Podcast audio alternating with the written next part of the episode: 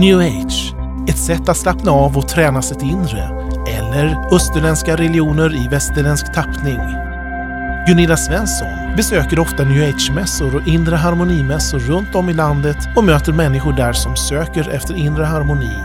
Hon reser runt i landet och föreläser om new age och kristen tro. I möte med new age får du svaren på frågeställningar som miljontals svenskar ställer sig idag. Hur uppnår man inre frid?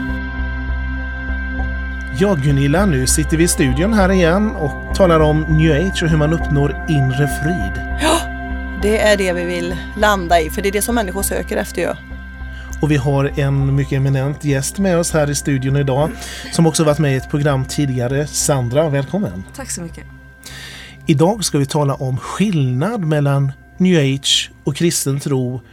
Sandra, vad är det för skillnad mellan new age och kristen tro? Egentligen så är det all skillnad. Det som new age erbjuder kan verka så ljust och mycket fullt av kärlek och varma människor och liksom ljuset och så vidare. Men när man tittar lite djupare så upplever man förvirring och mörker och en källa som inte alls är ljus. När jag började skrapa på liksom den kristna ytan så trodde jag att eh, med alla mina fördomar att det skulle vara torrt och tråkigt och människorna var deprimerade, allt möjligt. Men när jag kom närmare så insåg jag att det de bar på, det var verkligen en frid och de kände en person som, som var verklig, som var levande, som var Jesus.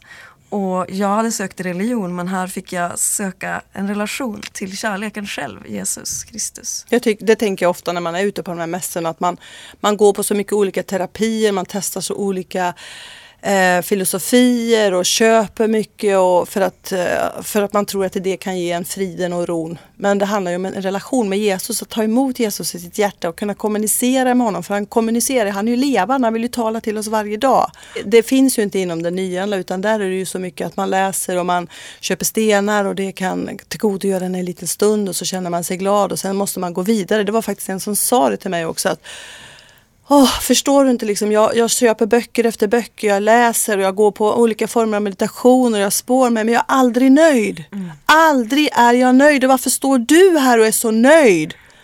Men jag har en relation med Jesus. Ja men hur får man det? Hur får man en relation? Jag köper ju bok efter bok och jag lägger mycket pengar.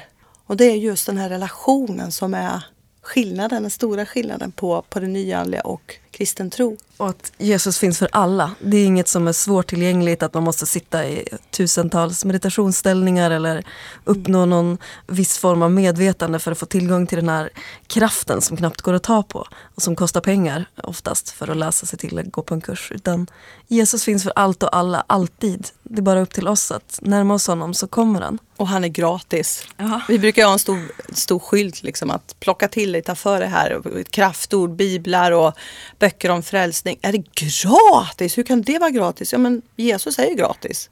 Oj! Alltså folk blir väldigt chockade för man vill gärna betala för allt kostar ju pengar inom det nyanliga. På vilket sätt kan man se om New Age smyger sig på i sin församling? Det är en bra fråga, för det smyger sig verkligen in som du säger. Det kan vara till exempel genom scenmeditation i kyrkor som jag har sett. Vad är scenmeditation? Det handlar om att man ska komma till ett visst stadium och uppnå frid och bli renad från några tankar överhuvudtaget. Eh, man använder sig av klangljud för att påverka hjärnans frekvenser. Och eh, ja, ska komma till ett speciellt tillstånd helt enkelt. Men jag tänker ofta på de här människorna man träffar ute på inre harmonimässor att ja, så pratar man en stund och så säger man jo men följ med mig till kyrkan. Nej men kyrkan, nej, där har jag varit förut och det har jag lämnat, jag har gått vidare för att det, det var så hemskt och de, det fanns ingenting där som som jag liksom blev fascinerad av, fanns ingen kraft eller nej, nej jag var inte sedd där så att jag har gått vidare. Har du sett sånt här i kyrkor Gunilla? Ja, alltså jag har ju varit runt och predikat en del på en del ställen och då har det ju erbjudits yoga och det har erbjudits olika former av meditationer. Och, och nu talar vi inte om new age-mässor utan kristna församlingar. Ja, det här blir ju väldigt legitimt och det smyger sig in överallt. Folk är trötta idag, de är sjuka. Eh, man längtar som sagt efter ro och frid och så plockar man in det i kyrkan men då plockar man in de här filosofierna och det här österländska tänkandet i det också. Så det blir ju det blir helt galet, det blir förvirrat. Ja, det var, jag var med min skolklass förresten i en kyrka här i Stockholm. Och vi gick runt och tittade där och så säger några av de här eleverna Titta här fröken, här har de yoga framme i koret varje tisdag. Och jag, ja det säger jag, så jag. Men inte, eh, eh, det är ju hinduism, det är ju yoga. Ja, det är hinduism. Ja. Men är inte detta en kristen kyrka? Jo, så är det en kristen kyrka. Men då ska de väl inte ha hinduism här? Så de här eleverna var mer uppdaterade och kunniga i det här än vi, gemene man. Det tycker jag var ganska fascinerande att de reagerade mm. på att man hade hinduism och yoga i kyrkan. Och jag tror verkligen på att vi i församlingen behöver bli mer inbjudande och kunna möta människor som kommer från New Age-världen till exempel och erbjuda något som är attraktivt. Erbjuda livet och anden. Men vi ska inte efterlikna. För det är precis det som djävulen gör. Han försöker efterlikna det som vi som kristna har. Att han försöker efterlikna det och kopiera. Men det funkar inte och det kommer inte att funka om vi tar in det i kyrkan heller. Utan när jag som nyfrälst kom in i kyrkans värld så var det för att jag ville någonting annat. Jag hade inte hittat någonting. Så det som slog mig, det var ju liksom ordet, det var sanningen. Det var, det var Jesus själv som mm. gav intryck. Och jag tänker också på det här med att nådegåvorna ska vara i funktion i församlingarna. Man ska inte behöva gå på en mässa för att spå sig, för att få eh, profetisk eh, betjäning så att säga, för, förbön eller healing eller vad de kallar det för där. Utan det levande ordet ska ju vara attraktivt och fräscht i församlingen. Det kanske en pastor eller en ledare bara säger, du vet jag upplevde det här i morse att det finns någon som kommer idag som bär på det här i sitt hjärta. För Jesus är levande och han vill tala in i människors liv. Det profetiska ordet, vishet, kunskap, profetians gåva, det är ju någonting som Gud har gett församlingarna. Det ska ju funka liksom. Vi ska ju bara, Gud ska ju bara liksom finnas där och tala ut det här över sitt folk. Och jag tror också att människor som söker, de behöver kunskap. Alltså jag törstade ju efter undervisning. Hur gör man i relationer? Hur lever man ett bra liv? Hur blir man hel som människa? Och så vidare. och så vidare. När jag precis hade blivit frälst så valde jag att gå en bibelskola. Och där fick jag just sån här undervisning ur ett kristet perspektiv. Jag visste inte att Bibeln bjöd på så mycket liksom, läckerheter och vishet. Det står ju allt om hur jag ska leva mitt liv men jag måste få det förklarat av andra lärare som har gått före. Mm. Bibelskola, vad är det för någonting? Ja, det kan vara upplagt på olika sätt men oftast så bryter man ner de viktiga ställena i Bibeln så att säga och grunden i kristen tro och förklarar konkret vad är att vara kristen? Vad innebär att vara frälst, att ta emot Jesus? Hur får man en relation till Jesus? Och också att lära sig att det som det står om i Bibeln, det är faktiskt människor som har levt, det är inte sagofigurer utan det är riktiga människor som vi kan relatera till idag och försöka identifiera oss och se att ja, den här personen kämpade med det här och led, men vad gjorde den som gjorde att den tog sig igenom? Jo, den läste Guds ord eller den, den bad till Gud och den var trofast och den stod kvar och sen så tog Gud personen igenom. Och det kan ge hopp för en själv, för ens eget liv. Du påstår att det är viktigt att ta tid för Guds ord. Absolut, det är som att utveckla en relation till vem som helst. Om jag aldrig är med den personen så kommer jag inte lära känna den personen. Jesus är ordet och det upplevde jag verkligen när jag läste Bibeln och hade blivit fylld av Guds ande och på nytt född så att säga, frälst. Då när jag läste Guds ord så gav det verkligen verkan i mitt inre. Det var något som hände på insidan och jag hade inte upplevt det tidigare när jag läst annan new age litteratur. Utan det här var någonting helt nytt. Jag kunde inte förklara det.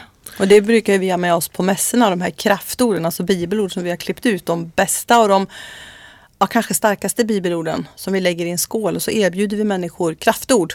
Inte bibelord säger vi inte för att det blir ju så, ja, men för alla på mässorna de söker ju kraft.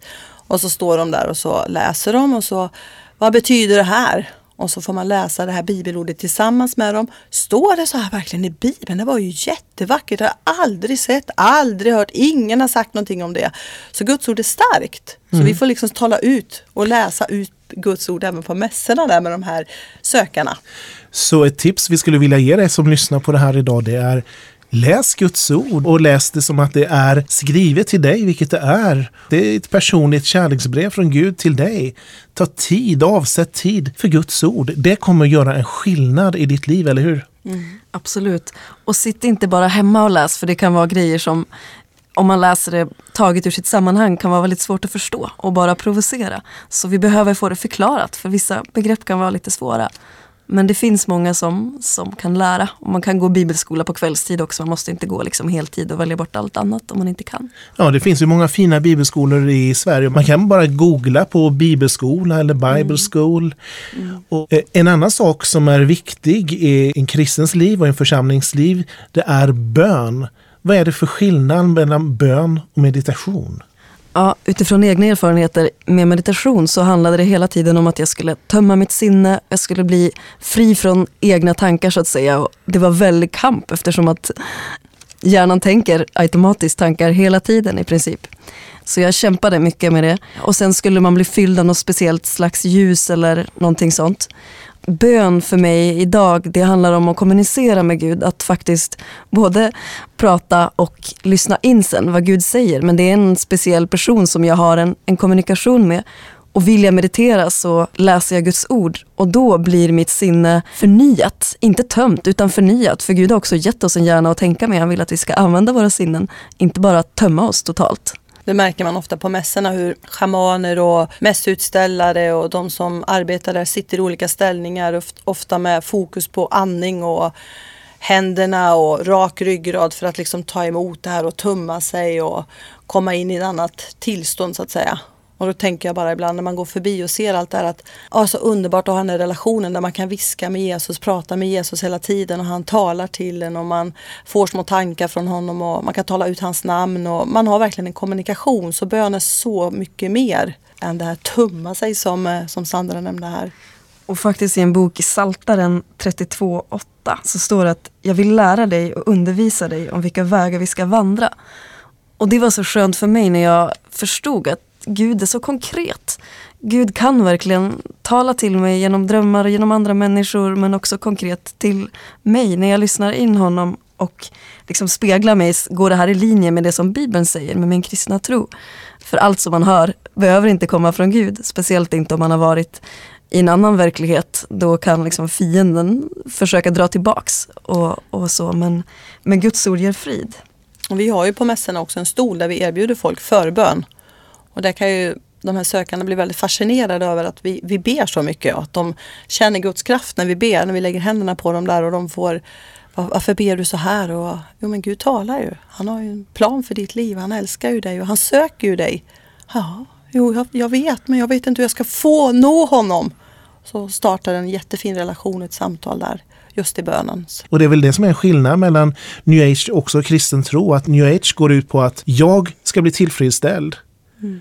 Medan i kristendomen så blir jag tillfredsställd genom Gud, men det går ut på att bemöta andra människor med Guds kärlek. Det är det som är så coolt med, med det kristna evangeliumet, att där står Jesus i, i, centrum liksom och säger jag har gjort allt för dig, kom jag vill ha relation med dig, du behöver inte göra någonting utan kom, jag vill, jag vill bara tala med dig, jag vill umgås med dig, jag vill att du sitter vid mina fötter och jag har saker som jag vill berätta för dig. I andra religioner så ska vi göra så mycket för att liksom få någon slags relation eller uppnå något speciellt. Där måste vi fasta, vi måste be, vi måste vara, vara goda, vi måste lägga viss tid på saker och ting. Men i den kristna tron så har Jesus gjort allt. Ja, det tyckte jag var så skönt och jag förstod inte hur det kunde vara så enkelt. Är det bara att ta emot Jesus? Behöver jag inte? Mm. Nej, du behöver, be, nej, du behöver inte. Liksom, mm. Alla de steg som jag hade försökt ta till personlig utveckling och bli en bättre människa så att säga. För inom New så tror man att människan är god. Att man kan liksom jobba sig till att bli perfekt. Vilket jag höll på att jobba ihjäl mig, eh, därför det gick ju inte. Och i den kristna tron så säger man tvärtom, att människan är inte god. Det finns en ond natur i oss därför att liksom avsaknaden av Jesus. Och det är där Gud behöver komma in och få förnya oss så att vi kan bli goda genom honom. Men i oss själva kan vi inte bli perfekta människor för det finns bara en som är perfekt och det är Gud. Och det var väldigt vilsamt för mig när jag verkligen kunde landa i det. att jag kommer till Jesus för att jag är operfekt och för att jag är skröplig. Inte för att jag är perfekt och någon människa. Liksom. Om man söker svaren inom new age men eh, är nyfiken på kristen tro hur kan man närma sig till kristen tro, Gunilla? Ja, jag får ju ofta den frågan på, på nyanliga mässor. Att, och då brukar jag ofta säga till människor, pröva Jesus. Säg hans namn. Ta en bok här från oss. Så man, kan, så man kan bara säga Jesus? Ja, alltså du vet när du säger Jesus med ett, med ett hjärta som längtar och du är nyfiken. Jesus om du finns, visa mig det. Alltså då kommer Jesus. Han ser våra hjärtan, han hör våra rop. Alltså det namnet är så oerhört starkt. Namnet det namnet Jesus. Står, ja, det namnet står över alla andra namn. Och det namnet gör skillnad. Det namnet lyfter oss, det namnet befriar oss, det namnet ger oss glädje, det namnet ger oss frid. Så det här med Jesus, det är verkligen en skatt, det är en nyckel. Mm, så det är en nyckel att säga Jesus från sitt hjärta? Ja, ja oerhört enkelt, precis som Sandra sa, att det är så enkelt. Ett öppet hjärta. Jesus om du finns, visa mig. Du har lyssnat på Möte med New Age med Gunilla Svensson. Har du frågor eller funderingar kring det du hört är du välkommen att kontakta oss på info sverigeskristnaradio.se. Du kan också besöka vår hemsida sverigeskristnaradio.se. Där kan du ställa frågor och diskutera saker som berör new age och kristen tro direkt med Gunilla Svensson.